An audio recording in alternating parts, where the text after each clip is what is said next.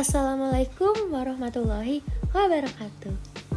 Hai, perkenalkan Namaku Edriati Nurbaya Dari Fakultas Kedokteran Gigi Universitas Lambung Mangkurat Angkatan 2020 Dengan NIM 2011111220017 Dari kelompok 10 Fagus. Selamat datang di bisa dibilang sih podcast kedua. Soalnya podcast pertama udah ada Kalau mau boleh dicek kok um, Jadi podcast kedua ini aku mau bahas tentang BEM sama DPM Hayu, siapa yang udah tahu apa itu BEM sama DPM? Menurut aku sih organisasi ini terkenal banget Nah jadi yang belum tahu apa sih BEM itu? Jadi, BEM itu singkatan dari Badan Eksekutif Mahasiswa. Nah, jadi BEM itu organisasi mahasiswa yang ada di dalam kampus, yang mana BEM itu adalah lembaga eksekutif di perguruan tinggi. Nah, kalau DPM itu adalah Dewan Perwakilan Mahasiswa. Nah, jadi DPM ini sebagai penasihat, penasihat organisasi-organisasi di bawahnya. Nah, kalau BEM itu diibaratkan kayak presiden sama menteri-menterinya. Nah, kalau DPM ini kayak DPR, kayak gitu, MPR. Oh ya, organisasi kayak gini juga ada kok di SMP sama SMA. Kalau SMP sama SMA itu mirip-mirip kayak OSIS MPK. Nah, terus kita lanjut ke fungsi DPM. Jadi, DPM ini sebagai pengawas, pengontrol kebijakan BEM dan BSO dengan berlandaskan asas DPM. Nah, kalau DPM di Universitas Lambung Mangkurat, khususnya di Fakultas Kedokteran Gigi ini, ada beberapa komisi nih. Ada lima komisi. Komisi pertama yaitu Komisi Legislatif dan Pengawasan. Komisi kedua yaitu Litbang, Nah, komisi ketiga yaitu aspirasi, komisi keempat hubungan antar lembaga, dan komisi kelima infokom. Jadi tiap komisi ini punya tugas sama prokernya masing-masing loh. Nah, apa aja sih proker tiap-tiap komisi ini? Di komisi satu yaitu legislasi dan pengawasan. Nah, ini tugasnya mengontrol kebijakan, kinerja, dan program kerja dari organisasi yang ada di bawahnya. Nah, contoh prokernya itu ada musyawarah besar atau mubes, ada sidang paripurna, dan ada pengawasan. Lalu lanjut ke komisi 2, yaitu litbang, kepanjangan dari penelitian dan pengembangan. Nah, tugas dari litbang ini adalah melakukan penelitian dan pengembangan di bidang akademik. Nah, jadi prokernya itu adalah pengadaan baju PDH, terus studi banding, Nah, terus komisi ketiga yaitu aspirasi mahasiswa. Tugasnya ini ya untuk menampung aspirasi mahasiswa. Jadi program kerjanya itu adalah KPU, Bawaslu, serta bekerjasama dengan BEM. Nah, lalu ada komisi 4 yaitu hubungan antar lembaga. Jadi fungsi komisi keempat ini adalah sebagai penghubung semua lembaga. Program kerjanya itu adalah ada verifikasi SKKM, ada verifikasi BSO, ada seminar, dan ada rapat evaluasi organisasi mahasiswa. Nah, lalu ada komisi kelima, yaitu teknologi informasi dan multimedia.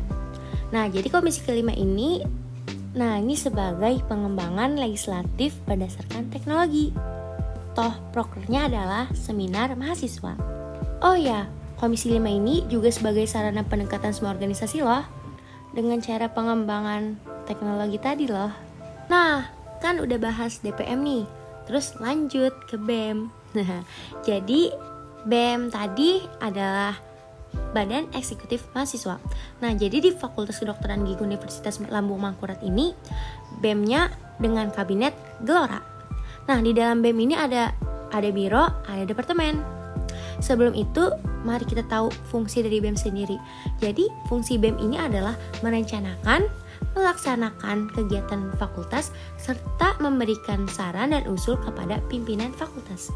Nah, BEM juga sebagai perwakilan mahasiswa di fakultas untuk menampung dan menyalurkan aspirasi mahasiswa.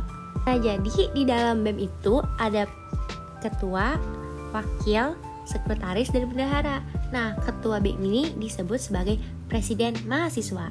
Terus ada departemen-departemen nih di dalam BEM itu. Ada departemen interna, prokernya itu adalah musyawarah besar, rapat kerja, serta disnatalis. Terus ada departemen PSDM. PSDM itu adalah pengembangan sumber daya mahasiswa dengan prokja oprek, PKKMB. Jadi PKKMB itu adalah pengenalan kehidupan kampus mahasiswa baru. Terus ada LKMM dan ada di Diklat Ormawa. Terus ada departemen Pengmas yaitu pengabdian masyarakat. Nah, ini nih program kerjanya tuh school visit sama baksos. Nah, terus ada Kastrat. Nah, contoh program kerjanya yaitu Mandi Bula, terus ada WNTD atau World No Tobacco Day. Terus ada Departemen Eksternal, contoh program kerjanya yaitu Sino sama Dentin. Nah, Dentin ini melakukan sosialisasi tentang dokter gigi dengan sasaran anak-anak SMA baik kelas 10, 11, sama kelas 12. Fungsinya itu buat mengenalkan kedokteran gigi kepada anak-anak SMA tadi supaya lebih tertarik. Terus ada biro pendanaan yang ngurusin duit-duit. Jadi setelah sekian banyaknya komisi sama departemen, kira-kira teman-teman lebih tertarik di mana?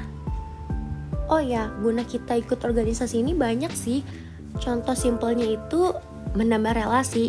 Soalnya kita pasti bakalan sering untuk melakukan interaksi dengan orang. Kita jadi lebih peka sama orang. Terus tahu nih cara ngetrit orang. Soalnya kan tiap orang nih pasti beda karakter.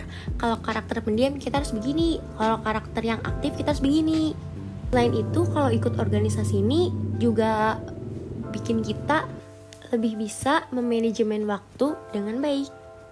Terus dengan adanya kita ikut organisasi ini, pastikan kita lebih banyak berbicara sama orang. Nah, itu bakalan melatih mental kita buat berbicara sama orang banyak. Melatih public speaking gitu. Terus lebih mudah memecahkan masalah atau problem solving. Juga yang paling penting sih melatih leadership atau kepemimpinan. Nah, kan banyak banget nih sudah benefit-benefitnya. Masa sih kalian gak tertarik buat ikut organisasi? Kalau aku sih jujur tertarik ke organisasi BEM yaitu Departemen Pengmas Pengabdian Masyarakat. Ayo teman-teman, jangan cuma jadi mahasiswa kupu-kupu, kuliah pulang, kuliah pulang. Itu saja sih podcast kali ini. Mudahan kalian gak bosen ya dengerinnya. Itu saja dari aku, salah hilaf mohon maaf. Terima kasih telah mendengarkan podcast kali ini. Wassalamualaikum warahmatullahi wabarakatuh. Tetap jaga kesehatan ya teman-teman. Terus harus patuhi protokol kesehatan. Bye bye.